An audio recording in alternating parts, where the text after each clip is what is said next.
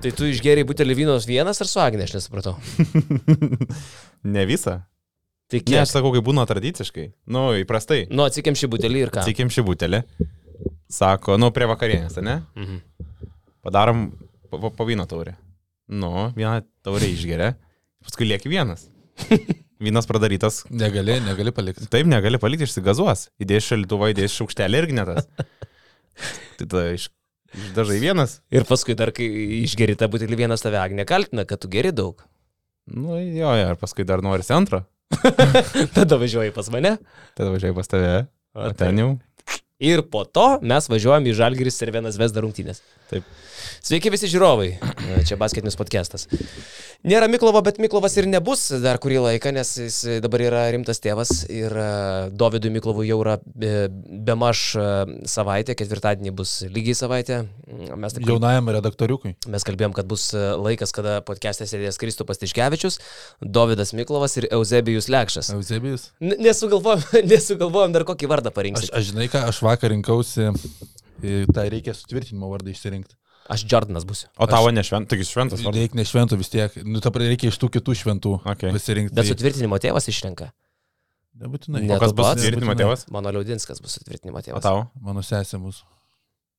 Tai aš rinkausi, tai sakau, Cezaris, gal, gal Jordanas, nes norėtum, kad būtų Jordanas, nes yra Jordanas. O aš ten tos vardus atsivertęs. Net nu, tai man- Jordanas ir yra rašas taip pat gėnu. Jordanas ten. Jordanas. Kaip Kenstavičius. Taip, grinai. tai galiausiai prie Petro likau. Kur visiškai nebuvo net svarstymų. Rinkausi, rinkausi, jūs ten. Ne, ne, ne, ne. ne. Nu tai gerai. O palauk, o jūs tai koks skirtumas, koks tavo Aš sutvirtinimo ir sakau, koks tu, sakau, būsiu narcizas. Ne, ne, ne, ne, ne. ne. Kuo durnesnį, aš ko, blem, ir galiausiai prie Petro likau. Ir ką sakė jūs tai? Jis nebesigilino, sakau, nebesakysiu aš tų. Žinai, ką aš būčiau sakęs, tu taip. Čia taip įsprendžia, ne, visus klausimus. Baigėsi visi klausimai. Šitą iškirpam jau. Tvarkoj, a, vy, vy, vyručiai, galiu vyručiais jūs vadinti? Nu, gali. A, Mes vakar su Marinausku buvom rungtynėse. Žalgiris Vesda, aš atėjau į Eurolygos rungtynės pirmą kartą po ilgos pertraukos kaip žurnalistas, nes šį sezoną buvau su Monako ir su Bayernu, bet sėdėjau tribūnose, nusipirkęs bilietuką tvarkingai, o vakar jau kaip žurnalistas, a, nes norėjau dar patekti į spaudos konferenciją, aišku, pažiūrėti Pauliaus Jankūno a, kalbą, a, plus su serbais lošiam, tai ten ir visa kitka, ir realiai nepasigailėjau niekiek. Vat tu buvai visose beveik grajose šį sezoną, ne? Namų, jo, manau, visose. Jo, tai vad gali palyginti atmosferą. Nu, su Monaku, kai aš buvau, ir su Bayernu, tai aš galvoju, kad čia kažkokia tai e, Alinos Arlovas e, štai ir atėjo mano mirtelė daina, e, bet vakar tai čia buvo lemba, atrodo, sezono atmosfera. Atrodo, kad lošiam dėl kokio top 8, gal net Final Four. Kas iš šviežiausios tos atminties, tai su Barsa buvo ta atmosfera irgi neįlynė tokia, turbūt mes iki to laikėm ją geriausią, o kas įvyko vakar, nieko neelemenčiame graje, grajuje. Tai vėl visai kas kita, aš manau, nu, va, šitos dvi atmosferos man įstrigo, bet vakar kas buvo labiau ėjo nebe, kaip, ne apie krepšinį, o apie kitus dalykus, tai va tas iš tos pusės įstrigo. Vak, o su Barsa buvo ir kažkas, aišku, nu, geras, geras grajus. Na, nu, ką, viskas prasideda iš esmės jau nuo, nuo pristatymo, e, kai žaidėjai įsirikiuoja per Eurolygos gimną, Žalgirio krepšininkai laiko e, su teisėjais bendrą Ukrainos vėliavą, ant kurios parašytas "Stab- stabdykime karą. Ir šalia stovi Serbijos e, Cervenos Vesdo žaidėjai, kurie ne tik, kad nelaiko to, bet jie dar ir Kaliničius žvengia, švilpia. kažkaip ir praignoravo, nes aš kaip suprantu, tas savanoris atnešė šitą tą banerį ir Kalinčius čia už marški- už marškinėlių rankas taip įsikišęs laikė ir, nu, ir savanori nebeliko nieko kito, tiesiog, nu, kaip pastumta banerį link žalgeriečių, jie plačiau atsistoja ir tada ištempė. Jo, bet ką mes šitoje vietoje iš tikrųjų turim, vat, su Robertu Petrausku nemažai prieš podcastą pasikalbėjom, pasikonsultavom. Turim iš esmės vat, labai gerą pavyzdį, istorinį pavyzdį, kaip atrodo e, atstovai valstybės, kuri, kuri tiesiog viską mato visai kitaip, kurioje visai kitaip nušviečiama situacija, kurie turi visai kitokį istorinį ryšį tiek su Rusija, tiek su laisvoju pasauliu ir laisvąją Europą tuo pat metu. Ir, žinai, nu, aš galvoju, kad mums net nereikėtų pernelik net ir kaltinti Cervenas Vesdos krepšininkų, trenerių, visos komandos, nes man toks ir Želko Bradovičiaus išstojimas e, panevežyje, ir vakarykštis Cervenas Vesdos elgesys, ir ta, ir ta povyza, ir, ir, ir, ir, ir, ir yra akivaizdus nusispjovimas ant to, kas vyksta Ukrainoje. Tai yra visiškai, kaip, sakykime, mano močiutė, uh, kuri yra faina, kuri labai iškalbinga, nuostabi, daug man visko gyvenime papasakojus, bet yra dalykų, kur tu tiesiog su močiutė kalbėtis net, net nebandyk, nes ji kitaip, kitus televizijos kanalus žiūrėjo, kitokiame pasaulyje augo, kitaip viską matė, kitaip suvokė ir tu jai neįrodysi, kad e, ten tarybiniais laikais nebuvo taip gerai, kaip tau atrodo, žinai. Čia tuščios kalbos, tipo. Jie dėl to net, net nekalti, jie tikrai taip galvoja. Jo, čia jie nerealiame, nerealiame pasaulyje gyvena ir mačiau vakar buvo daug besistebinčių, kaip čia taip serbai visai kitą pusę palaiko, bet nu, manęs tai nenustebino, matant, kas vyko jau nuo pat karo pradžios ir tas jų požiūris, jie realiai yra tokie patys agresoriai, jie atsimena visai kitus dalykus, jų spaudoje, jų medijoje yra visai kiti dalykai transliuojami, jie nerealiai tiesiog mato tą situaciją. Tai manęs net nenustebino tai, bet labai džiugu, kad patys lietuviai išreiškė, išreiškė visą tą tokį palaikymą, pats atsirado tos tribūnose kaip ir karas ir visiems tiems serbams žiūrintiems per televizorius, visiems ten buvusiems serbams, nu pamato, kad visai kitokia yra realybė, kaip mes suprantame tos dalykus dalykus. Aš sakyčiau, nustebino iš tos pusės, nes ką mes aišku girdim, kad serbai ignoruoja visus tuos dalykus, taip toliau mes skaitom iš spaudos, bet kai pamatai savo realiom akim, žinai, kai tas, tas plakatas yra tempiamas ir jie praignoruoja tą plakatą ir tada toks būna šokas, nes tu realiom savo akim pamatai, kaip tai vyksta pas juos, kad jie vis, visiškai ignoruoja tos dalykus, vis, kurie visam pasauliu, didžiai, didžiai pasaulio daliai yra aktu, aktualūs, yra suprantami, o jie šitaip, nu, pasilgia, žinai, labai, nu, labai keista man buvo, sakau, žiūrint į šitą gyvai labai. Gerasis pavyzdys, kaip jie mato tą istoriją kitaip, yra NATO vėliava, kuri kabojo tribūnose, atsinešė ją kažkoks tai vyrukas, kuris priešais mus nesėdėjo. Prieš NATO vėliava, aš manau, čia buvo tas uh, vienas iš tų blogųjų akcentų vakar rungtynėse, kadangi Tai galim suprasti kaip provokacija patiems serbam. Uh, Matyti ir pats tas žmogus, kuris uh, ten vyriškis atsinešė tą vėliavą, jis ėjo į rungtynės tą vėliavą su tikslu, turbūt paprovokuoti, nes ta vėliava kažkaip atsirado po ilgosios pertraukos ar per pačią ilgą pertrauką, kada Trenas Zezas, uh, tiek personalas, tiek žaidėjai grįžo į, į areną, tada tas uh, žmogelis priejo prie pat tvoros, ten yra toks atskirimas ir mojavo su tą vėliavą, provokavo žaidėjus, žaidėjai mėtė į tą krepšį čia nuo mūsų žurnalistų ložės priešais mus priešais mus, tas žmogus irgi su ta vėliava musikuoja, visai provokuoja, gaudo akių kontaktą, pagavo vieną akių kontaktą su vienu iš e, asistentų, tokiu plyku, tas e, žvengia iš to žmogaus, e, viskas dar tik aštrėja tarp tų dviejų žmonių, paskui tas asistentas rodo, tipo, einam iš arenos kažkur ar ten pasimatom, tokie net signalai Fanai buvo. Rodė? Taip, taip, tas asistentas vienas buvo labai yra toks aršus. Ar... Čia prieš rungtynės? Ne, ne, ne, per ilgąją pertrauką. Aha. Per ilgąją pertrauką viskas baigė, baigė komandos apšilimą ir susitiko fano akis su priešais buvusiu asistentu ten kitoj aikštelės pusėje Jau komanda tarėsi, asistentas atsitraukęs nuo komandos ir žiūri, kas vyksta aplinkui ir sustiko jų kontaktą, sakiau. Ir jisai rodo, tipo, einam, žinai, nu, rodo, ar išstiksim iš arenos išėję ar kažkas tokio. ir toks vėl šoka, žinai, blembo, asistentas vėlės kažkokių žmogelių, kuris, aišku, provokuoja. Va tas NATO vėliavos ženklas, aš manau, čia buvo vienas iš blogesnių dalykų, kas nutiko. Čia gal reikia įvesti į kontekstą žiūrovus ir klausytojus, ką NATO vėliava reiškia serbams, nes e, NATO e, alijansas, gynybinis alijansas buvo tas, kuris įsikišo į Serbijos ir Bosnijos e, konfliktą, nu kokį konfliktą, tai visišką serbų vykdytą genocidą prieš mhm. Bosniją 99 metais. Ir e, NATO ilgai dėl susitame kare, kurį laiką tiesiog siuntusi taikdarius, kurį laiką, e, kelis metus, ne kurį laiką, tai buvo porą metų, kaip mums Robertas Petrauskas irgi šitą istorijos pamoką pravedė, kurį laiką bandydami uh, tartis, galiausiai nusprendė, jog atėjo laikas nutraukti žudynės, skerdynės, kurias organizavo Slabodanas Miloševičius ir įsikišo į karą, į genocidą, kurį tuo metu vykdė serbai, e, į genocidą ir karinius veiksmus, kuriuos dabar rusai vykdo Ukrainoje, tai labai ta pačios situacijos.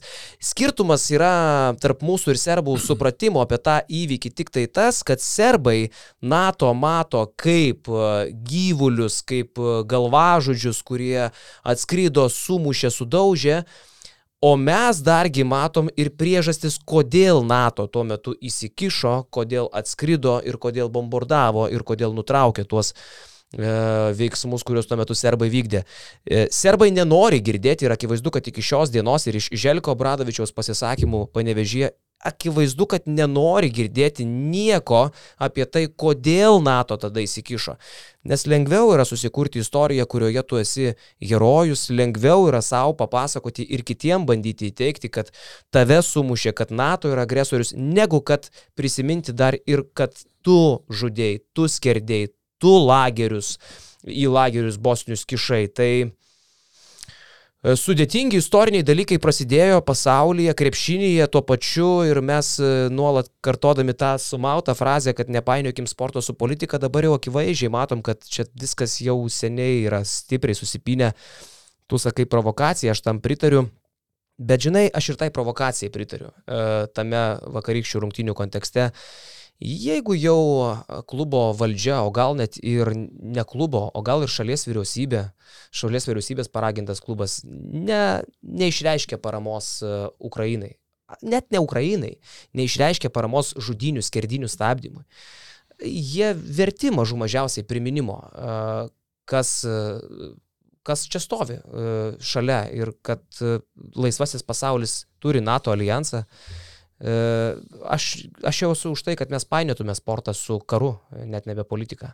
Aš iš tikrųjų net nebejoju, nu, aš visiškai nepateisinu to žingsnio neprisijungti, nesolidarizuoti su žalgerio žaidėjais, nepalaikyti to plakato, nepasiūsti žinutės, kad mes matom, kas darosi, bet čia nebuvo, ne apie, nebuvo apie NATO, apie kažkokius kitus dalykus, apie tai, kas jiems skauda, tai buvo tiesiog pripažinimas tai, kas vyksta šalia mūsų, kas vyksta Ukrainoje, ką, vis, ką didžioji pasaulio dalis pripažįsta, dėl ko yra susirūpinimas pasaulyje ir jie šitą praignoruoja tiesiog, kad liktai nieko, ne, nieko nevyksta čia šitam šalia mūsų ir net Kalinčius susižvengia į tą švilpimą, sureaguodamas, ten pasikalba, berots buvo Mitrovičius startiniam penketė, tai jie net susižvengia tokio, tokio akimirkoje. Mes nežinome, iš ko jie ten žvengia, žinai. Nu, bet buvo, čia viskas tas žvengimas prasidėjo iš po švilpimo. Galima spręsti, nu, kad jie kažką, nu, čia vėl tai aišku, tik tai mes spekuliuojam, bet turbūt, kad buvo reakcija į tą švilpimą. Bet čia, bet, bet įdomus dalykas, nes Kaliničius Atenuose mes patys žiūrėjom vasario jo, jo. 25, tai yra viena diena po karinių veiksmų pradžios Ukrainoje. E, Kaliničius kartu su Ana Panter teisėja e, Atenuose laikė dviesę Stop War lapą. Ten turbūt, dviese. jo, čia, čia viskas buvo dar ten karštuoju, tie visi įvykiai ir matosi, dar nebuvo pasiruošta tokioj, tokiam dideliam akcijam. Dėl plakatai, ko aš darau išvadą, tiesiog... kad čia yra ne žaidėjų sprendimas. Ant, ne, ne, tai faktas, kad ne žaidėjų sprendimas. Aranas, kad... Aranas Vaitas pasakė, taip, kad taip. jiems neleido tiesiog imti vėliavos, akivaizdžiai buvo klubas pasiruošę, žinojo, kas yra daroma Lietuvoje, kad yra laikoma žalgeris laiko vėliava, ne tik tuos A4 formato lapus ir buvo iš anksto tam pasiruošti. Tai. Tai galbūt čia po, to, po tų rungtynių Atenuose ir buvo tiesiog gal klubo tokia neleista žinutė, kad, nu, nebesijunkit prie šitų dalykų, nes Kalinčius prisijungė per tos ankstyvosios, dar kai visi reagavo karštai į tos įvykius, kad, nu, stabdykim tą karą ir tie dar plakatai ir baneriai nebuvo tokie dideli, tiesiog buvo paprasti lapukai, Ana Panter prie, prie Kalinčius šalia stovėjo prieš skambant Eurolygos himnų ir tiesiog jisai prisijungė Kalinčius laikydamas tą lapelį. Tai matosi, kad galbūt va po šito elgesio ir, ir, ir, ir, ir, ir tas klubas tokia nuleido žinutę, kad nu, daugiau nebesijunkit, nes ką kalbėjo ir Radoničius, kad čia klausimas yra... Atsiprašau. Ne, ne jam uh, ir jisai pats nori taikos, tai va šitas buvo iš Radoničių žinutės. Žinutė tokia. Bet apskritai pats laikas Eurolygos finalo ketvirtą daryti Belgradė turbūt yra pats netinkamiausias. Eurolyga dar šį sezoną pakeitė tą lokaciją, norėdama, kad e, turėjo vykti viskas Vokietijoje, bet dėl nevakcinuotų turbūt, kad galėtų įsileisti pilnas tribūnas, bet dabar nuvažiuoti į tą Belgradą mažai norisi. Čia dabar yra kvailystė, nes į Belgradą atvažiuos e, laisvasis pasaulis, atvažiuos ispanai, e, atvažiuos uh, atvažiuos italai, ko gero, įsivaizduokim, kas ten dar gali, prancūzai, prancūzai. gali, gali, gali e, Izraelis, e, graikai. Okay. Turkai. Turkai. Tai, e, tai yra šiaip pavojus ir Bet tu su Višniausku ryčiu irgi važiuoji komentuoti, ne? Nu, toks planas yra ir toks planas buvo iki vakar rungtynių. Tai, Kai kurie mūsų žurnalistai irgi pavojus daugam. Dabartinėme karštyje, vėlgi Eurolyga savo trumparegystę dar kartą rodo, nesigilindama į tą politinę situaciją ir į nieką. Ir ir pakeisti, ir pakeisti vietą į Belgradą dabar atrodo jau visiškai pavojinga, bet, žinai, čia Eurolyga galėtų sakyti, kad tuo metu taip netrodė. Nu, bet tai kokie jūs lyderiai, jeigu jūs nenumatot to, jeigu jūs nežiūrite į paveikslą, į bendrą politinį portretą, čia mes galim pezėti, jūs turit matyti, kodėl mes turim apie tai kalbėti, o jūs turite tą tik vėliau suprasti. Um, tai dabar tikrai, aš, ta, aš tikrai nuoširdžiai su tavo ir Višniausko vietoje, aš nevažiuočiau, nes tai tikrai yra pavojinga tarp Belgrado, tarp Serbų ir, ir Lietuvos bei kito laisvojo pasaulio, o ypač tarp serbų ir Lietuvos, nu dabar tikrai yra nemetas uh, turėti kažkokius tai saitus apskritai. Tikrai menkijo, kai čia apsaugos. Nu, visiškai. Kad, apsaugos, kad reikia, tai faktas. Nu. Minimum, minimum apsaugos. Nu, tai va, tai keistokis. Mes vakar su Dončiu važiuodami namo dar diskutavom, kaip šitą paveiks bendrai um, Lietuvos ir Serbijos krepšinio pasaulį, nu, tarpusavio ryšį. Ir mes galvom, kad čia visiškai su- sulikštom rungtynėm mūsimėsgi, žinai, bus Žalgerio ir Cervienas derbis bus dabar ilgamžis, nu, metai iš metų, jeigu tik jie išliks Eurolygoje, šitas bus derbis belekoks.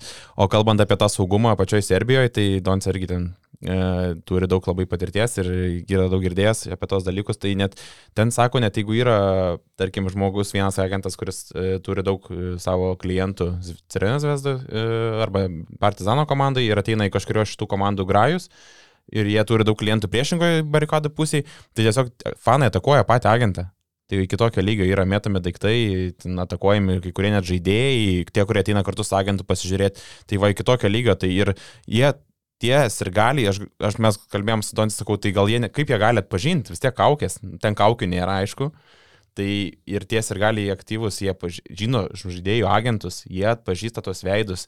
Tai kad atakos kažkas gali Ne, tai būti. apsikiniai, pažiūrėk, set, setas lygiai sėdėjo uh, finale, taurės finale Serbijoje. Setas lygiai, Zeko lygiai, kuris žaidžia Tai Partizanį. va, tai aš ta, brolis. šitas vienas iš pavyzdžių. Jo, ir, ir, ir jie išsiaiškina, kas čia toksai, jie kažkokiu tai būdu susifokusuoja į buvusį Šiaulių legionierių, į setą lydį, kurio mes kaune net sėdėtų, galvotume čia gal giminė kažkas, tai, bet net nesiaiškintum, kas jie sužino ir pradeda daiktus Taip, taip, ir tada, nu, čia vėl Donatas pasakojo, kad tas setas lygiai kėlė klausimus, gal čia jie rasistai ar kažkas tokio, bet pasirodo, kad čia yra tiesiog priešingos barikadų pusės ir e, tiesiog už tai turi kentėti pagal pas, pasak jų. Tai Zvezdos fanams apskritai tų konfliktų net nereikia. Atsimenu, dar senai prieš kokius ketverius metus buvau Milane, kuomet Zvezdos fanų būrys suvažiavo į Milaną ir iš karto buvo įspėta, kad nefilmuokit tų tribūnų, nes iš karto bus blogai. Nereikia jokio konflikto, kad tu jau prasileistum bankę gerą nuo jų. Tai dabar, dabar iš viso kita situacija. Tai konfliktas buvo ir vakar gis tribūnai, kai keli Tu pradėjai ten filmuoti, aš biškai per vėlai pradėjau žiūrėti, kas ten vyksta. Ten pasirodo, ten buvo maždaug kokie penki serbai, kurie atvažiavo irgi su, aš sakyčiau, nu, man iš pažiūros tokiam neiškiom vėliavom, kažkokie, kažkokie užrašai ant tų vėliavų yra, mes bandėm su Donatu, va, kur bevažiuojant aiškintis, bet ten, nu taip, ir toks kontekstas neaiškus, kažkas susijęs su Kosovo potekstė, žinai, ir taip toliau. Bet žodžiu, penkis ir gali atvažiavęs tom vėliavom, jie turbūt tikisi patekti kadrą, galbūt masuoti, žinai, tas vėliavas ir taip toliau. Ir esmė tokia, kad uh, kažkurie čia vietiniai sirgaliai priejo prie tų sirgalių iš Serbijos ir bandė atimti tą vėliavą. Ir čia buvo visas konfliktas, kad jie tiesiog, nu, priejo ir bandė ištraukti iš jų rankų, iš serbų, iš serbų rankų vėliavas. Tai ir va čia buvo tas konfliktas, ku- kurį paskui numalšino policija ir paskui jos net išlydėjo iš arenos ir net Dar prieš rungtynę, iki pabaigą, jos pratesime išlydėjo, iki, pratesime. net jeigu gerai supratau, iki pat oro uosto išlydėjo jas. Tai vad, kad nebūtų tokių dalykų daugiau. Jo, šiaip tai įspūdinga, kad e, turnyrinė prasme nieko nelemenčiose rungtynėse buvo daugiau nei 10 tūkstančių žmonių. Aišku, turbūt dvi pagrindinės priežastys. Tai viena Paulius Jankūnas, čia didžioji priežastis, jo paskutinės karjeros rungtynės. O kita, nu, akivaizdžiai e, susijusi su Ukraina, turbūt, kad masina žmonės ir galimybė vienai aršiausių rusų palaikytojų, serbų, e, pusiai parodyti dar kartą savo poziciją. Tai taip galingai atrodė tas išlydėtuvės ir man taip net, e, vat, mes su Malinausku dviesi sėdėjom, visus išvalgom, žinai, ir maždaug triukšmas didžiausias, pratesimas e, prasideda ten ketvirtam kelnyje, jau belekoks triukšmas. Ir atrodo, kad mes čia dėl kažko tikrai žaidžiam, kad čia tikrai kažkas labai svarbaus vyksta, žinai, bet kai suvoki, kad svarbu ten buvo tik tai, kaip šiandien su vienu žalgyriečiu kalbėjau, svarbiausia tai buvo parodyti, kad vakarų pasaulis čia stipresnis, tai, e, tai yra įspūdinga. Toks, nu, fonas buvo Ne, vakar, Fonas buvo nebe apie krepšinį. Taip, vakar buvo daug daugiau svarbiau negu rungtynės, negu pergalė, vakar buvo daugiau visko mače ir tai jautėsi tiesiog ir, ir per ekranus, ir kas tribūnose darėsi. Tai labai smagu, kad viskas gerai baigėsi. Man kas svarbiausia ir buvo, bišk, šiek tiek buvo palaipsniui nuotaikos blogėjo, nes aš pagalvojau, kad Pauliaus Jankūnas sveikinimas ir pat, pačios rungtynės ir kas vyksta aikštelėje nuėjo į antrą planą, ar tai net trečią, nes viskas taip susielektrino tribūnose ir atrodo, kad įtampa netviroja ore, vienas prie kito žmonės staugė, rėkė, tai tos e, skanduotės ir Serbijai, grinai visai Serbijai skirtos, ko galbūt irgi negalima visiškai pateisinti, ten fuck you Serbija, tokių visiškai bendrai Serbijai skirti, nežinau, ar buvo galima, bet uh, ir viskas nuėjo į antrą planą, sakau, pasirodė, kad tokie politiniai dalykai, politinė potekstė iškylo į, į, į pagrindinį tą vaizdą ir toks buvo man vienu metu gaila, bet paskui kas įvyko su Jankūno išėjimu, tai man visai patiko. O kodėl fuck you Serbija blogai? Nu, Nu, aš... Tikrai fuck you Serbija. Va tokiai Serbijai tikrai fuck you. Nesiorientuojančiai, supuvusiai. Bet matai, mes vėl šaliai, nežinom. kuris stovi, Tarkim, mes- mes kuris kalbam stovi ir dabar tas atvejis, kas- kas buvo- karo pusė iš principo. Kas buvo Atenuose ir e, su Kalinčiu, Kalinčius lyg ir nu, jungėsi prie Panther, laikė tą, Bet tą niekas, žinutę. niekas tai neskandavo fuck you Kaliničiui. Ne, tai va tame esmė, bet fuck, Serbi, fuck you Serbija, aš kaip galvoju. Aš visiškai, nu, aš tik taip, nu, taip e, samprotauju, kad tai buvo per daug jau ganai Serbijai nutaikyta, aš manau, kad reikėjo kažkaip, nežinau, ar tai ne tai, kad komanda, ar tai Bet juk kažkas. ne komanda ir parodė savo poziciją nelaikydama vėliavos. Ta tai kas- pozicija parodė šalis, taigi ne komanda nusprendė. Radončius sakė, čia ne mano sprendimas, žaidėjai sako, čia ne mūsų sprendimas. Nu, tai akivaizdu, kad yra sprendimas iš aukštai. Tas aukštai tikrai yra aukščiau negu tik tai Radončius. Nu, aš vis, vis tiek būčiau nelinkęs sutikti dėl to, kad Serbija visiškai reikėtų taip nušvilpinėti. Nu, vis tiek, nu, tai yra, mes nežinom, tai visi galvoja, kad yra tikrai ten tų žmonių, kurie blaiviai masto, blaiviai vertina Tai situacijas. Rusijoje yra, tai ir Rusijoje yra. Tai vad, bet tai... Bet valstybinė pozicija, bendra valstybinė pozicija tai yra tokia. Nu, aš sakau, nesutinku dėl to, kad reikėjo visiškai tai prieš tą Serbiją eiti ir aš galvoju, kad tai buvo biški perlenkta lasda tiek su Tonata vėliava, nes tai buvo provokacija ir eit į fuck you Serbiją ir ten kitų dar buvo lietuviškų ten tų skanduočių, kad ten rusų kekšė kažkas taip toliau, bet čia jau buvo mano perspūsta. Bet įspūdingas sutapimas buvo ir taip, kad fuck you Serbija skambėjo, kuomet Serbijoje vyko prezidento rinkimai vakar. Ne? Na, okay. Toks sutapimas, tai... Tai o dėl tos politinės pusės, tai vakar per transliaciją mane net rytis gerai pataisė, kad tai net ne politiniai dalykai, o daugiau moralės, iš moralės dalykai iš žalgerio fanų Serbijai nukreipti prieš serbus. Ta prasme. Moralė, kad ta prasme bendras supratimas, net ne politika, o tiesiog, nu, moralė. Moralinis dalykas. Ką tu turi minėti? Kad skanduotė moralė, kas Aš sakau, kiek daug Ką tu čia? politinių dalykų tribūnose. Rytis sako, sakyčiau, net ne politiniai dalykai, o tai yra moralė, tiesiog bendra moralė, parodyti, kaip mes išreiškim savo poziciją ir taip kaip serbai nesupranta, kokiem jie nerealiame pasaulyje gyvena. Galbūt. E, Kaliničiaus dėjimas ketvirtam kelnį dar man užsifiksavo ir atsisukimas į žalgerio fanus e, su irgi tokiu priminimu apie save. Man atrodo, kad Kaliničius dar prieš tai buvęs kandidato atsidurti žalgerį, buvogi tokios kalbos kažkada, dar prieš šį sezoną, ar gal dar ir prieš kitą. Tai e, žalgerį jau nelabai kada galėtų atsidurti. Nu, o šiaip tai manęs dabar įdomiausias dalykas laukia ne tik tai finalo ketvirtas Belgrade, bet ir kaip vieną dieną mes patys busim sutikti uh, tenai. Nes manau, kad, vat, ką mes čia ir užsiminėm, kad tai, kas dabar užgimė tarp Žalgirio ir Belgrado, ar Cervenos Vesdas, ar Partizano, aš nežinau, kaip Partizanas, pavyzdžiui, tai, Tai mes ką ir kalbėjom, Čia jo, Dontas, Bet čia ilgam. Čia Jo, jo, ilgam. ar, ar tai Partizano fanai irgi priims taip? Fuck kas you, vyk- Serbija tikrai Tai priims. fuck you, ta Serbija taip, bet uh, ar tai priims asmeniškai, kas buvo skirtas Cervenas Vesda komandai, tai nežinau, tai čia klausimas, bus įdomu pažiūrėti ateityje. Jo, nu tai jų nuomonės tokios pačios, Partizano nuomonė tokia pati, Želko Bradovičius ją Ten parodė. politikos labai daug. Aš manau, tai kad čia šio kitoj. klausimu Partizanas su Cervenas Vesdas tikrai susivienys. Uh, lemba, jeigu va dabar Lietkabelis žaidė su Partizanu, ten buvo palyginti nedaug žmonių Europos taurėje, tai manau, kad šiandien dienai Lietkabelis žaidžiant su Partizanu būtų kur kas daugiau ir irgi ne tik dėl krepšinio toli gražu. Tai jeigu Nenadas Čanakas po ryčio Višniausko Twitterio įrašų jau norėjo iškviesti į kavos papasakot apie istoriją Serbijos, tai po vakar rungtynių Nenadas Čanakas įdomu, ką galvoja. Spaudos konferencija vakar, visą kitką, nu čia galim perėti prie Pauliaus Jankūno dalykų. Tai Jankūnas baigė karjerą Eurolygoje, e, dar liko, kaip sakyti, iki oficialaus Jankūno tapimo Žalgirio komandos vienu vadovu. E, porą mėnesių baigs karjerą Paulius maždaug birželį su LKL finalais, bet e, vakar sužaidė paskutinėsias rungtynes 19 metų trukusioje karjeroje Eurolygoje. 2003-aisiais Paulius pradėjo žaisti Žalgiryje, pirmos rungtynės su Atėnų Panatinaikos, tu lekšai ten buvai, aš tą patį sezoną beje atėjau, bet su Malagos Unikaha. Mhm. Mano pirmas atėjimas buvo į Halę. Ir dar vakar prieš rungtynės buvau vienas iš tų daugelio, kuris Pauliui rašė žinutę, nes Paulius sakė, gavau daug žinučių, netrašiau, nes skaičiau, man atrašė, smagu. Aš parašiau, kad uh, tavo karjeros pabaiga Eurolygoje man tarsi jaunystės pabaiga, nes uh, tu, aš atsimenu, vienintelis sezonas, kurį blaiviai atsimenu, tai buvo tas. Vienintelės, jau, jau pirmosios žalgerio rungtynės, kurias tikrai atsimenu, buvo va tos. Jas, jas tikrai žiūrėjau ir jas atsimenu. Prieš tai nepamenu. Du antrų, trečių sezono nepamenu. Absoliučiai toks pat jausmas. Tai man ir čia labai, baigėsi. man labai gaila, kad vakar komentavom ne iš Kauno, nes e, pirmos rungtynės, kurias aš atsimenu, puikiausiai tas visas įėjimas per Žalyną, įėjimas į Kauno sporto halę, pirmas kartas Žalgerio, tėtis su draugu buvo, klausė, kas tas jaunuolis, sakau, čia buvo monstras Žalgerio dublerėse ir būtent tas pirmas mačas, visi tie vidutiniai metimai ten prieš Alverti.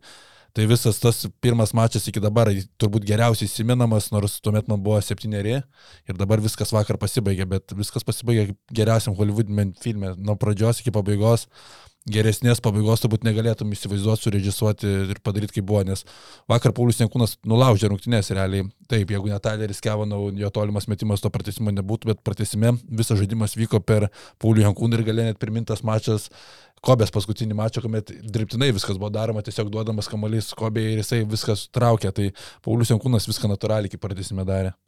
Nu, buvo vienas kitas jo metimas, kur gal ir nebereikėjo, kur jau matėsi, kad jau jam duoda kamolį, kad jis jau jis mes, kur jau ten ger, sudėtingi, per sudėtingi metimai. Bet uh, realiai 17 naudingumo balų ir trajakas labai svarbus pratesime įmestas. Būtent. Du buvo, vienas išlyginantis, 7-8-7-8 buvo ir paskui ja. ja. pradžioje. Tai sakykime. Geriausios sezono rungtynės. Be Paulius vakar Žalgeris nebūtų laimėjęs, tai toks atsisveikinimas. Ir klausimas, ar jisai būtų žengęs ant parketo, nes Jūrijas Dovsas jau atrodė buvo pamiršęs Paulius. Tai va čia ir išstoja Mantas, kuris labai buvo energingas suolo gale ir jisai net, manau, toks buvo pasipykti, nes net dalinai, kad jis, kad yra ignoruojamas faktas, kad šitas vakaras yra skirtas Pauliui. Ir e, net jeigu Jūrė užmiršo tokį dalyką, kad čia turėjo būti šitas atsisveikinimo mačas skirtas Pauliui, tai man tas labai buvo supykęs vienu metu ir matėsi, jis kantriai laukė ir vis stebėjo, jisai nuo to atsarginį salelio į, į, stebėjo laikrodį ir vis laukė, laukė, kadagi Jūrė atsisuks ir pakels į Jankūną. Ir galo pats Mantas atsistojo, jis nuėjo prie Tučio ir e, Evaldo Beržininkaičio, jam pasakė, ten kažką pra, užvirė tokia diskusija, kad, nu, su mintim, kad reikia leisti ant kūną, tada kažką Tutis su, su Beržininkaičiu atsakė ir tada girdėjęs, net matęs iš lūpų, kad nu ir kas iš Manto išėjo iš lūpų toks nu ir kas, tai turbūt galima suprasti, kad tiek Sabonis, tiek Beržininkaitis apeliavo į apylygį rezultatą ir taip toliau, kad čia galbūt pergalės reikia, bet tai nu, tame esmė, kad nu ir kas, nieko nelėmė šitas grajus, o Grajus yra skirtas atsveikinti su Jankūnui su Eurolyga ir tada tik tai Kalnėtis atsėdo ant suolo, maždaug po pusės minutės e, tautidas pakilo prie, prie, prie jūrės ir pasakė, turbūt perdavė tą žinią, tą pastabą, kad reikėtų jau atsiž, atsi, atsisukti ir į patį Jankūną, nes Jankūnas, kaip atsėdo antrą kėlinę pradžioje, tai prisidėjo iki pat ketvirto vidurio. Zdovsas, tarp kitko, po rungtinių pasakė, kad išleisti Jankūną ketvirto kėlinio vidury buvo tautvido Sabonio idėja, tai pagarbas Zdovsui už atvirumą ir neviniojimą, ten nebandymą užglaistyti tos situacijos. Taip pat Zdoftas dar ir tiesiai šviesiai pasakė, kad Jankūnas sėdėjo pusantro kėlinio ant suolo ir bijojau, sako, leisti jį aikštelę ketvirto kėlinio viduryje. Jis konkrečiai taip ir pasakė. Kiek teko girdėti, tai Tautvidas Sabonis ir Evaldas Beržininkaitis antroji pusėje nekarta Jūriai priminė apie Jankūno faktorių ir kol neįsikišo kalnėtis, kol neįsikišo kalnėtis, tol Zdovcas e, nebuvo prispaustas. Bet Tutis su FK daug kartų jau sakė. Bet, Bet kiek žinai, tai... Tu gali suprasti ir Zdovcą, jo paskutinės turbūt Eurolygos rungtynės taip pat, jisai nori užsidaryti. Jis sakė, kad ne, jis sakė, kad gal dar jis, jisai dar norėtų iš šitą cirką sugrįžti. Taip. taip. Jis pasakė cirkas, paskui pats suprato, kaip čia skamba ir paaiškino, ką jis turi omeny. Jo, jis paskui pridėjo, pridėjo prie to cirko, kad daug keliavimas, čia kaip cirkas, tokia kaip išvykos tas labai didelės tokios, bet aš galvoju, kad jis turėjo mintį, čia vėl, kartais su jūrės tais, tokiais išstojimais yra problema, kad pas jį labai ribotas yra anglų kalbos e, bagažas ir žodynas labai yra siauras. Ir aš galvoju, kad jis turėjo minti visgi ne circus, o circle, kad taip, aš norėčiau suktis tame Eurolygos trenerių rate Aš ir taip vėl kažkada gauti tą šansą. Ir gavosi jis pasakė circus ir toks jis nepatogina ir paskui, situaciją vis ir tiek. paskui pri- pritempė, kad čia daug kelionių, žinai, tų išvykų. Pandas, Tai va, Keus, dar grįžtam prie, prie paties kalniečio. Šiaip tai net jam reikėjo turbūt net atskiros kameros ir kad būtų galima jam žinoti, kiek šitam bičiui reiškia, kad Jankūnas atsisveikintų tinkamai, grinai va pagal tokį scenarijų, tokia drama, kad būtų svarbus e, tai rungtynių baigties e, lemčiai ir taip toliau. Ir e, žiauri, net Jankūnas po, vien, po vieno iš trajakų, nebetiksliai nepasakysiu, po Jankūno ar po Kalnės po Jankūno ar po Olanovo per pratesimą, tiesiog rėkė, šaukė, sugniaužęs abu, abu kumščius ir visas raudonas net šaukė iš džiaugsmo, kiek jam, nu ir tada aš žiūriu ir lemba vėl. Dar vienas dalykas, kuris vyksta šalia aikštės ir viskas yra susijęs su Jankūnu ir tas bičiulis, kuris, galim prisiminti, kad Kalnėti buvo tas, tas bičias, kuris atvedė Jankūną į treniruotės, mm, į krepšinio treniruotės, kai Jankūnai buvo 11 metų. Tai čia buvo maždaug prieš 26 metus ir tada Kalnėtis atvedė Jankūną į treniruotės, o dabar kaip pats Jankūnas ir priminė, kad sako ir dabar ir Kalnas ir, ir išvedė. Taip, iš... man irgi įstrigo šitas citatas, sako, man tas kalėtis atvedė mane į krepšinį, o dabar ir išsivedė. Taip, taip, taip. Sakau, šitaip labai didelė pagarba ir net toks už aikštelės MVP tapo Kalnas, kuris, e, nu, labai džiaugiasi už savo bičiulį ir toks buvo, tokia, tokia, labai buvo taip jautru vienu metu ir taip gera matyti, kiek daug reiškia vienas kitam. Bet tikiuosi Rimvis filmą daro šiandien. Aišku, daro, suka jo, jo Tai fanatai. gerai, gerai gausi. Aišku. Pabaiga. Šiaip kalniečiai tos rungtynės turbūt ir dėl Jankio, ir dėl viso bendro fono buvo labai svarbios. Jis e, e, irgi tokią citatą pasakė po, po rungtynių, kad svarbiausia, kad geris laimėjo. Apie šitas rungtynės. Svarbiausia, kad geris laimėjo ir čia buvo daugiau negu krepšinis. Tai, tai daug ką pasako. Čia buvo negalima nelikti abejingų, kas derasi aplinkui, nes ir pats Ulanovas sakė, kad mes girdėjome, mes jautėm, kad sirgaliai skandavo tas e, visokias skanduotės skirtas Stirenos Vesdai, tiek Serbijai ir buvo sunku išlikti pačiose rungtynėse, kad kad neišsimušti iš jų dėl tų pačių skanduočių ir taip toliau, kad nepazuoti emocijom ir kad išlikti kovoj, nes vienu metu ir pasirodė, kaip sakai, kalinčius podėjimą nužvelgė ir sirgalius ir taip toliau, vienu metu atrodo, kad net ir ta tokia kova tų sirgalių perduotą energiją nu, atsispindėjo pačioje aikšteliai, kad tos dvi pusės tokios susipriešinusios, nes ir paskui Jankūno tas provokavimas tų pražangų irgi labai į, privertė tos kapituliuoti serbus. Tai toks labai buvo, sakau, daug tokių detalių, kurios dar vis gulasi pačioj galvoj, kas nutiko vakar. Šiaip nuostabus Šalgerio comebackas. Mes daug šnekam apie tai, kokios ten fainos rungtynės, kiek daug visko, bet žiūrint grinai į krepšinį, tai jau atrodė rungtynės palaidotos ketvirtam kilniui. Paskutinė minutė iš viso viskas atrodė prarasta, kuomet Lukas Lekačius prasiveržė ir laisvas iš pakrepšio prametė. Ir kiek tada buvo minuso? Šeši? Penki. Tai ir mišios jau. Pen... Minutė liko. Minutė laiko, taip. Tai tikrai fantastiškai sugrįžo.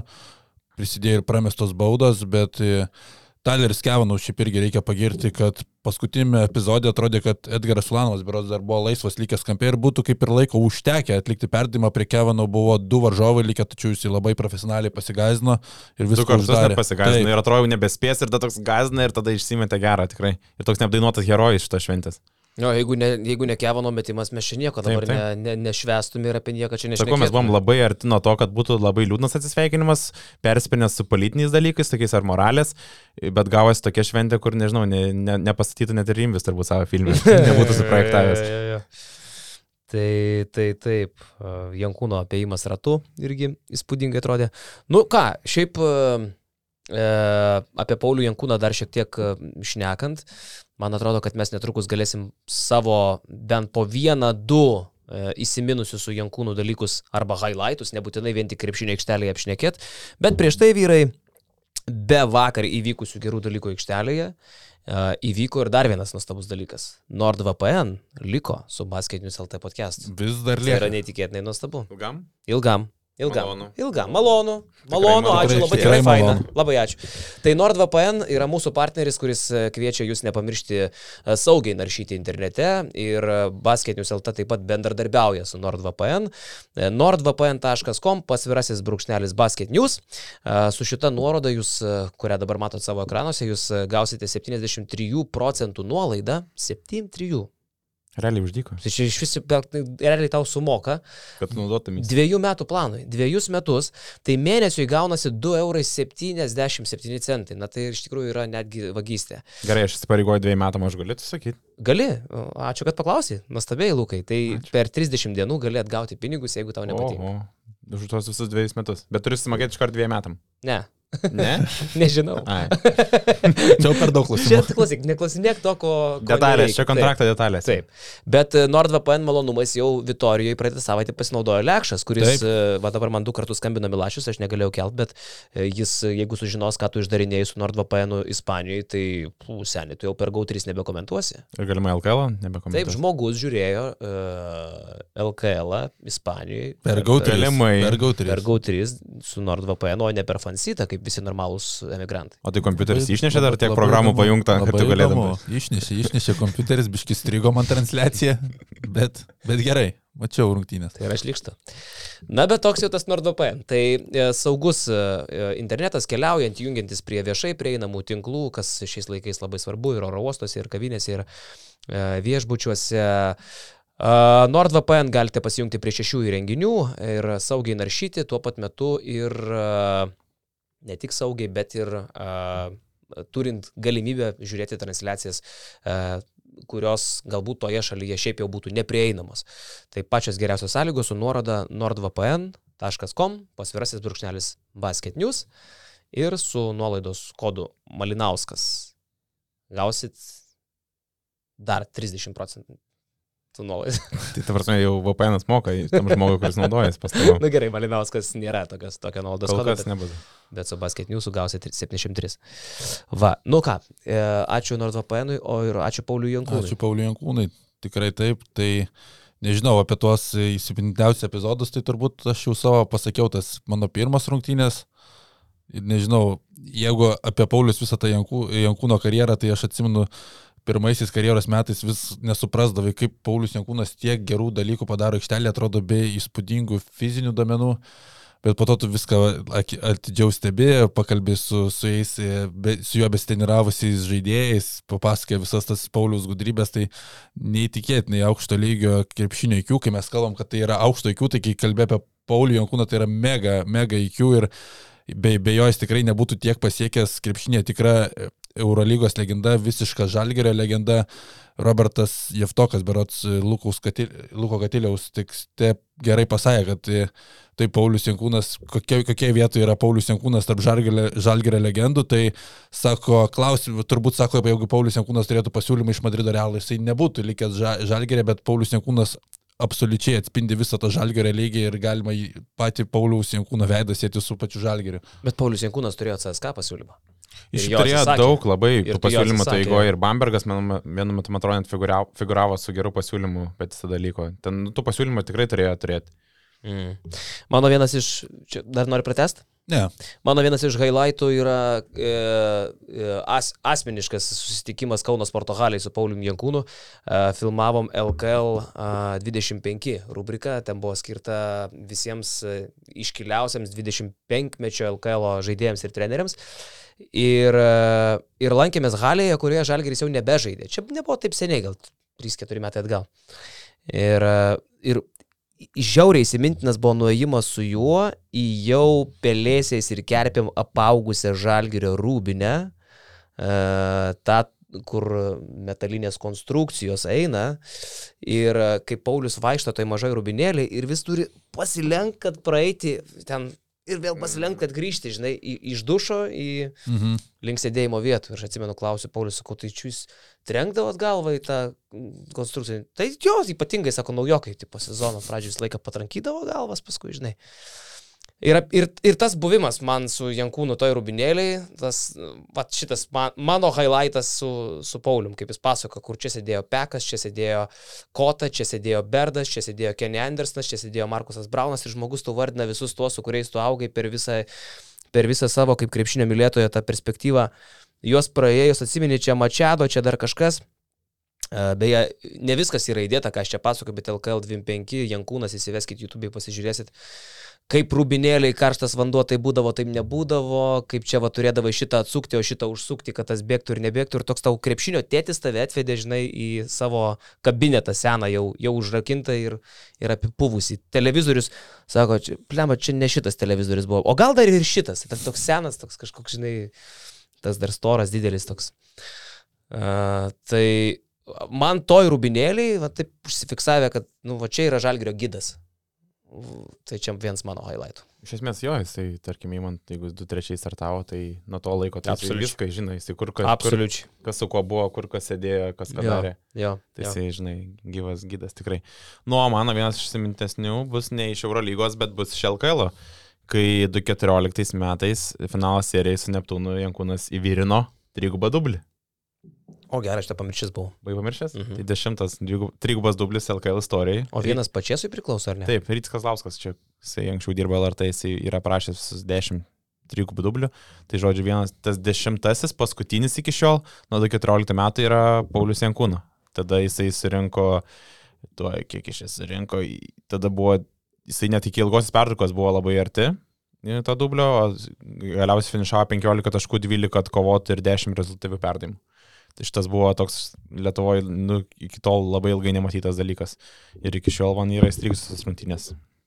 Ir vakar Paulius šiaip leido suprasti po rungtinių, kad e, lieka žalgyrį ir atrodo, kad lieka sporto direktorius Jo, čia, ir čia respektas Rokui Pakėnui, kuris labai gudriai užklausė, sako, ar jau galim rašyti, kad tu esi naujas Žalgirio sporto direktorius, sako, su antraštėm dar neskubėkit, kol parašai nesudėti. Tai suprask, ką parašai nesudėti ant sporto direktorius pareigybių mm, Tai viskas, kontrakto. viskas jau yra, kaip suprant, supratau, yra sutarta. Aišku, įspūdingiausia, kaip Pakėna, tai vis, visą laiką pasiekė.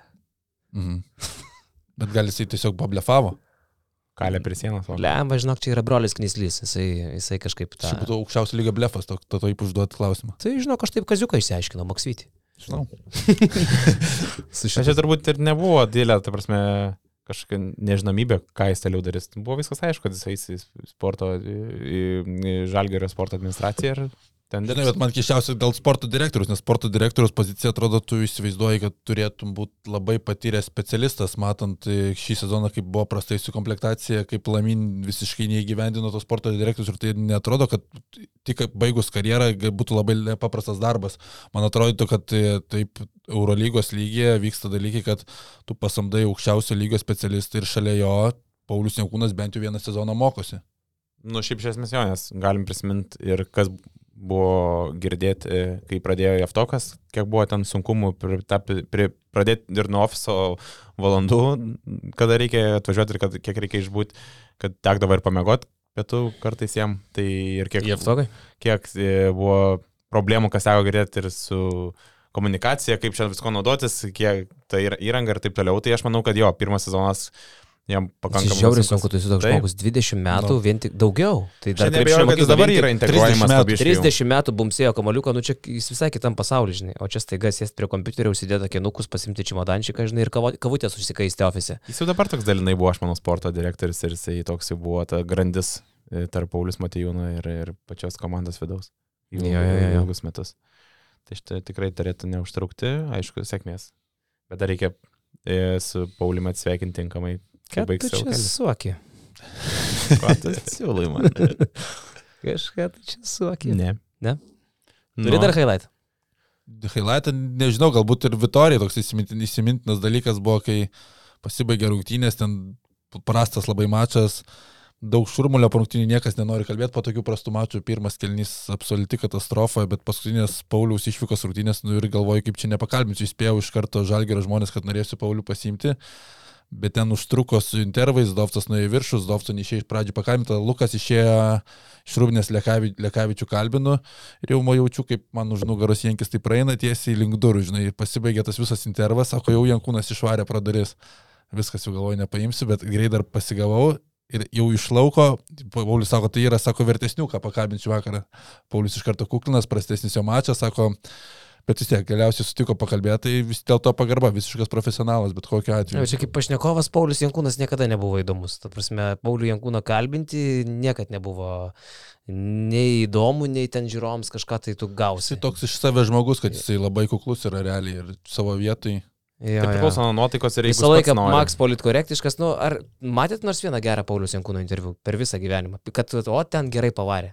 Jis niekada nebuvo. mm, Bet jis būdavo įdomus nuoširdus, jeigu, jeigu jisai jausdavo, kad jam nebuvo nuoširdus. Ne, jis būdavo tokių interviu, tarkim, būdavo ir su Jonu, Jonas Miklovas turi gerą ryšį su juo ir jisai tikrai gerai pakalbėdavo Jonai. Aš atsimenu bent kelis interviu, kad tikrai būdavo tokios atviros, gal net ko jis kit, kitam, kitam žmogui, žurnalistui nepasakytų, bet Jonais pasakydavo tikrai, būdavo tokių dalykų. Jonas nuodėm klausys. Kaimynas gal. Nu gal, gal, kažkaip aš neužfiksavau Bet Paulius. jis gerų politikų būtų, nes jisai atrodo, tu jam užduodi klausimą, jisai kalba apie tai, bet galiausiai tu supranti, kad nu nelabai kas čia ir yra atsakyta. Bet jo, palinksi, kad logiška, bet galiausiai to atsakymo negavęs lieki. Nu, ko gero, su tokiam savybėm ir gali tiek metų išbūti Taip. ir kapitonu, ir, ir nieko neprisipėzėjęs. Nežinau, man Jankūnas visą laiką čia net ne highlightas, bet išliks kaip žmogus, kuris geriausiai parduodavo visas pražangas Lietuvoje. Jeigu, jeigu pražangų pardavėjas būtų, būtų darbovietė, jeigu už tai būtų mokami pinigai, tai Jankūnas būtų antrą kartą milijonierius. Tai vakar Tai matėte. aš ką ir sakau, vakar Užsidarimo rungtynėse taip. Davido Vacas buvo išvestas iš kantrybės. Jo, ir vos ir su- antrankiais į ten, aš galvoju, kad pratruks ir bus išvarytas visiškai. Ta prasme, bet tai Jankūnas tikrai erzina, nes, jis, nes jisai, jeigu tik tai kovoja dėl kamulio ir yra priekyje krepšio, tai žmogus, kuris yra už nugaros, 95 procentais atveju gaus baudą, nes Jankūnas kris į priekį, ta prasme, ir imituos, kad prieš jį buvo prasižengta. Anksčiau gal taip ne, nesimatydavo akivaizdžiai, bet dabar, kai Jankūnas sulėtėjo, tai visas, viskas matas, visas gudrybės tokias, papolime ypatingai, žinai, ir gynyboje. Tai jo, šitas buvo neįlinis jos triukas. Bet ar tai, tai nėra nešvarus žaidėjas, tai yra gudrus žaidėjas, nes nešvarus žaidėjas yra tas, kuris traumuoja. Jankis nėra nieko traumavęs. Yra išvedęs iš, iš kantrybės ir tai yra dėl savo, viskas dėl krepšinio akių. Plemba, nu, žinai, nei jisai nešvarus, nei jisai gudrus. Jis, kad gudrus tai faktas. Aš sakyčiau, kad jis tiesiog yra kietas žaidėjas. Ir va tam pačiam interviu LKL 25 e, jis apie Goraną Jūraką pasakoja. Ir sako, kada atėjo Jūrakas į Žalgirį, sako, mane pradėjo treniruotėse daužyti. Jis sako, aš griūnu, griūnu, griūnu, griūnu. Ir aš sako, jau iš ir į galvą noriu jam duoti. Ir kas tau yra, ko tu čia mane taip, tipo, daužai, žinai. Ir sako, Zedai, sako, mes toj važiuosim į Vilnių. Tave Haris Mojazinovičius netaip dulkins. Tai tu, tipo, laikyk tą. Aš sako, tau duodu pamokų. Tai aš supratau, kad jam Goranas Jūrakas daug ką iš tos kietosios pusės a, yra perdavęs. Ir kovo su Hariu Mojazinovičiu. Jo, vienareikšmiškai. Nes ten buvo irgi. O ten buvo Aparatūra. aparatūra Zanusi. Ir Šiaip, man vakar Jūras Dovtas, man atrodo, pasakė, kad e, aš pats buvau žaidėjas ir atrodo, kad jis dar galėtų tikrai žaisti, bet e, yra tas laikas, kada turi privalai žinot, žinot, kada reikia sustoti. Ir žiūrint į Jakūną realiai, tai irgi jisai dar Lietuvos krepšinio lygoje dabar renka po 10 naudingumo balų ir aš pagalvoju, kad jeigu jisai žaistų ketvirtoje dabar komandoje Šiauliuose, tai jisai galėtų LKL toliau turėti 19 naudingumo balų. Tai vidurkį. seniai broliai Lavrinovičiai, tą, kaip sakyt, tą cirkelį tęsė iki šios dienos. Nors broliai Lavrinovičiai beje vasarą oficialiai baigs karjerą. A, jau dabar oficialiai. Oficialiai. Bet jie šį sezoną niekur nežaidžia. Ar žaidžia? Bet, bet, bet vasarą oficialiai praneša apie Mhm. Vinį ant sienos. Ai. Ir batus tenai. Iki šiol dar neaišku. Ne, tai gal, dar visi galvoja, kad gal žais kokioj nors, nežinau, kur dar galima žaisti. Regionuose? Nežinau. Galbūt reikia. Bet sostinį, man atrodo, jie žaidžia. Sostinės lygoje. Nu, tai ten, tai aišku, dar duosi, žinai. Ten visa Hebra, jo, jo, jo. Tai Mm. va. ką, ką Baskonijoje, gal ačiū Jankūnui, o dabar apie, apie tavo nuotykius su Kaziuku ten baliavoji. Palievojau. Su Kaziuku susitikom prieš rungtynės. Kaziuku Trumpam. Labanausku, nes dabar jau Kaziukas kitas. Taip, taip. Bet apskritai Radarė. daug logistinių iššūkių to Ispanijoje buvo. Iš pradžių buvo Malagoje kelių dienų atostogos, tada iš Malagos skrydis į Bilbao. Ir toksai automatiškai klimatas pasikeičia pietuose Malagoje 20 laipsnių, nuskrendi į Bilbao plus 5, bet nesninga, dar tai jau neblogai, žinant, kas, kas po to kitą dieną laukia su autobusu iš Bilbao valanda kelio į Vitoriją. Ir iš Vitorijo, Vitorijo iki centro galvoj prasėjusiu, apsižiūrėsiu miestą, tai visas stichijas pajutau. Lietus, saulė, sniegas, bet sniegas nepaprastas sniegas, o tokie, tokiais gabalais. Eiksu. Ir po to irgi ir, ir, nusprendžiu ir į Fernando Bas areną nueiti pėsčiomis, tai irgi lygiai tas pats, tai keurai šlapęs buvau. Po, po rungtynių irgi reikėjo eiti pėsčiomis, nes niekas ne, ne, nebevažiavo iš autobuso, tai prisivaikščiau per dieną virš 20 km, bet visą Vitoriją praėjau, tai realiai pats miestas mes kalbėjom, kad Maikui Jamesui čia būtų Kaune neįmanoma išgyventi, bet Maikas Jamesas žaidė Vitoje ir aš pagalvoju, kad jam Kaune būtų labai gerai. Dar blogiau, sakai, Vitorijai. Nu, tai gal tu užsirovint tokios dienos čia? Nu jo, aš jau sakė, antrą kartą metuose tik tai snygo, šią savaitę vėl plus 21. Bet e, tas pats miestelis jis nėra didelis Kauno, Kauno dydžio ir tos visos vietos irgi netrodo, kad Kaunas čia kažko galėtų nusileisti, bet taip pat Maikas Džimsas po to Twitter'į mačiau irgi buvo rašęs, ar sugrįši į Vitoriją, sako, net per daug pilkai yra. Tai Maiko Džimso atsakymas buvo toks, kad Vitų Baskoniai nebežais niekada. Bet pati arena, tai kaip aš nuo mažų dienų irgi visą laiką apie Fernando Beso galvodavau, kad tai yra magiška arena, tai viskas taip kaip įsivaizdavau realiai ir buvo tie orkestrėlis, tik tai dabar orkestrėlis nebe už krepšį yra nugrūstas, o užgrūstas į patį viršų, bet ten tas dešimt žmonių grupelė vis tiek sukuria tą pagrindinę emociją. Nuo pirmas kalnys, kaip jau rašiau, tai kaip 2005 visiškas flashbackas, kai kai pranešėjas šaukė Maci, Maci, Maci, Luisas Kole, Travisas Hansenas ir ten minus 20 po pirmą kelnę, tai visiškas flashbackas. Ježos plyteris. Pli- ir koks tiežos pliterio dėjimas. Jo, į krepšį. Tai va. Bet čia va per rungtynės tai viskas ten buvo nulaužta per pi- pirmą kelnį ir labai daug tos medžiagos iš, iš rungtynių nelabai kai... O nebuvo ten viskas nulaužta dar prieš rungtynės, nes 35-15, man atrodo, baigęs taip nekeliais. Nu, tai čia kažkaip nekvėpia Eurolygą iš viso. Ten, ten sunku buvo paaiškinti, pradžiai užsikūrė tie, o po to ir per, per rankas pataikė metimus, tai nieko tai negalėjo padaryti Žalgeris. Jo. E, Šiaip apie Eurolygą šnekant, tai e, Eurolygoje aiškus e, aštuntukas geriausių, čia jau viskas tvarko ir viskas ramu. Aiškus ir pirmas ketvirtukas, kuris jau nepasikeis, tik tai vietomis gali apsikeisti, mhm. išskyrus pirmą vietą, Barcelona tvirtai laimi. A, Olimpiakosas, Realas, Anado ir Armani, kas bus antras, kas trečias, kas ketvirtas paaiškės šią savaitę. Viskas paaiškės, kas susijęs su pirmu ketvirtu šią savaitę. Kita vertus, sunku pasakyti, koks yra skirtumas ir ar yra skirtumas šią akimirką, kas bus antras, kas trečias, kas ketvirtas, nes sumaištis yra absoliuti nuo penktos iki aštuntos vietų irgi. E, Šiuo metu penktoje vietoje Nadolo FS, šeštoje vietoje Makabi, septintoje vietoje yra uh, Monako ir aštuntoje yra Bayernas. Tai e, irgi ir penkta, ir aštunta vietos, e, ir šešta, ir septinta gali apsikeisti vietomis. Ir turbūt, kad aš netgi sakyčiau, ar būt penktu, ar būt septintu, aš tokią išvadą padariau prieš podcastą, net nėra skirtumo. Nes e, mano galva, šiuo metu uh, Olimpiakosas, Realas ir Armanis realiai stovi viename lygyje. Man tai yra vieno lygio komanda ir, pavyzdžiui, aš būčiau dabar e, koks nors Anadolų ar, ar, ar, ar, nežinau, Makabis. Aš net nežinau, ar aš kaip fanas ten turėčiau skirtumą su kuo žaisti, su Realu, su Oli ar su Armaniu.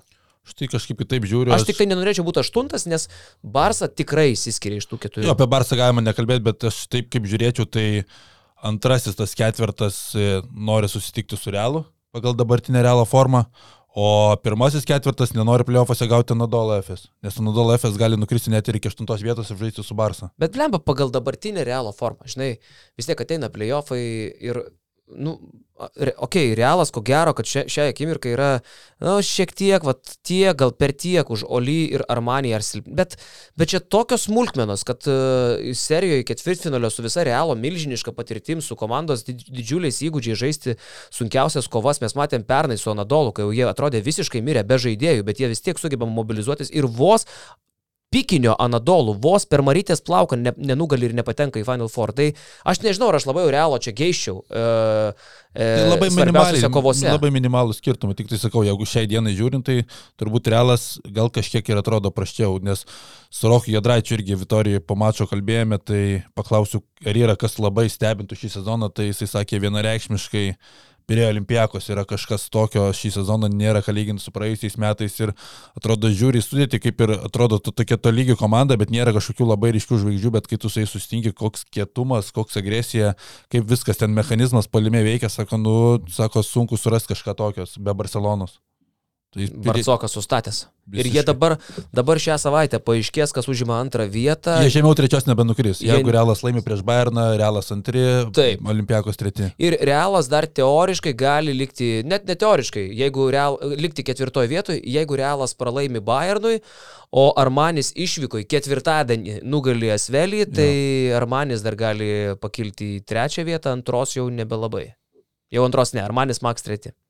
Jo, Jo, tai Tai viskas va. per šią savaitę realiai išsispręs e, kitą savaitę, dar kitą savaitę mačas Makabio ir Fenerbakčio, kuris dar iš esmės gali kažkiek lemti, jeigu per šią savaitę neišsidėlios, Makabis bus aštuon, yra aštuonė, tai tikrai jame bus, tai ta jų pergalė prieš Fenerbakčio dar gali daryti įtaką lentelį. Gali, gali. Tarp... e, Bet durnai čia yra. Labai Jona- durnai. Jonas rašė Labai ir tekstą durnai. ir aš vis, absoliučiai sutinku. Nu, tu vietoj pasirašymo kel, dviejų savaičių tu turėsi dešimt dienų, man atrodo, beliks iki, iki pirmųjų atkrintamų serijų, tu net negali dėlioti skrydžio, nežinai, kur turėsi skristi. Tai čia nu absurdas man. Ir absurdas, kad pavyzdžiui Bayernas šią savaitę sužaidžia trejas Eurolygos, trejas rungtynės, viso, nu, dviejos išvyko vienas namie, man Ne, atrodo. ne, visas. Visos išvyko? Dvi Stambulė ir vienas Madride. Tai įspūdinga.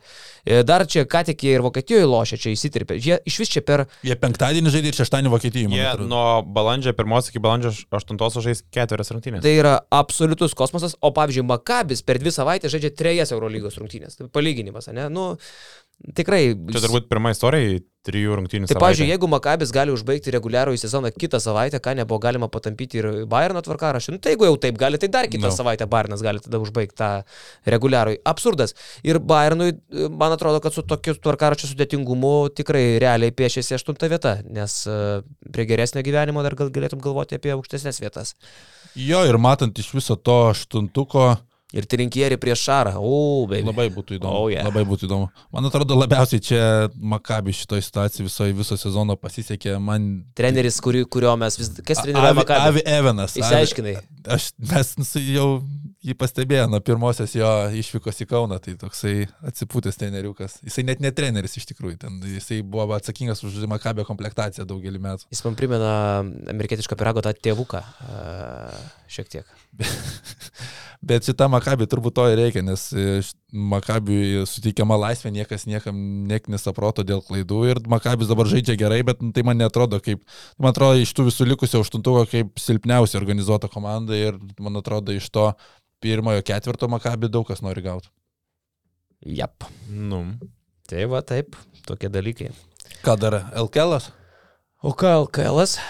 LKL, ką tai šiandien? Klausyk, kodėl uh, mes, žiūrėk, mes kokie esame vis dėlto oldschooliniai. Tu sėdi su seniausiu džempų basketiniu. Man taip pat šitas geriausias Pirminiu. yra ikoninis e, mūsų logotipas. Pats ir- pirmas čia yra tas, kur net prekyboje gal nebuvo šito, ne? buvo. Mes, Bet dabar jau vintažą. mes sėdim ir jau su vintage pandamijom, Bet mes turim naują kolekciją. bet mes turim naują kolekciją. Tai apsilankykit shop.basketnews.lt. Ten sukrauta daug e, mūsų naujų džemperių. Šiaip visą E, Ispaniją išvaikščiau su, su vienu basketniuso Lietuvos džemperiuku, nes nepasėmiau daug šiltų rūbų, tai jisai labai man padėjo. Jo, Jo, labai padėjo. nu va. Ir yra šilta. vienas, kuris labai šildo, tai yra, e, ar tu turi vaikų? Mhm. e, džemperis, tai vat, šitas džemperis yra e, prekyboje ne, ne mūsų nau- naudai, o Jonas Miklovas taip yra nusprendęs, kad visi pinigai už e, parduotus ar tu turi vaikų džemperius atitenka vaikus globojančiai organizacijai. Visi iki cento, tai Visi, visi. e, visi, O visi. Čia tai gražu. Čia labai gražu yra. Nu, toks tas, Tas mūsų redaktorius, taip. Šaunuolis. Šaunuolis. O ką Lietuvoje? Lietuvoje tai šiandien Rimas Kurtaitis paaiškės, kad nevyksta vis dėlto į Uteną. Jo, Rimas Kurtinaitis, e, čia buvo pasirodžiusi informacija ir buvo teisinga, iš tikrųjų Kurtinaitis svarstė kurį laiką, ar tapti Utenos Juventus treneriu, bet sprendimas priimtas ir Kurtinaitis e, vis dėlto lauks vasaros ir, e, ir vasarą priims sprendimą, galbūt treniruos Juventus, galbūt treniruos naują Žemelio komandą, beje, Žemelio komandai dabar yra trys kandidatai į trenerio pareigas, tai Rimas Kurtinaitis, Tomas Pačiesas ir Jaka Lakovič. Rimtai? Jo. Jaka. Jo. Oho. Toks yra variantas. Tomas Pačiasas yra. Jo. Tai čia jeigu perki elitų, Per kelių tu gauni pačiasą. paun čia. Arba parduodi elitų, Ir gauni darbą. čia, čia sunku pasakyti. Man šitą vis tiek sąjunga nesuvokiama. yra. man irgi, aš, man kuo toliau, Tai to nesu, Metus, nesuprantu labiau. tai tu palauk gal. Palauk. Palauk, palauk. Palauk. Palauk. Tai kada tu turėsi areną ir pradėsi tame mieste, kuriame įsivaizduoji savo klubą, tuos metus dabar atrodo laukia, laukia, laukia, pradėsi elitui, ką po metų elitui viskas klubo nebėra. Sunku pasakyti, gal įkurs e, kažkokį kitą juridinį vienetą, kuris pradės žaisti nacionaliniai lygoje, ar ten RKL e ir mm, step by step. Matai, kas yra.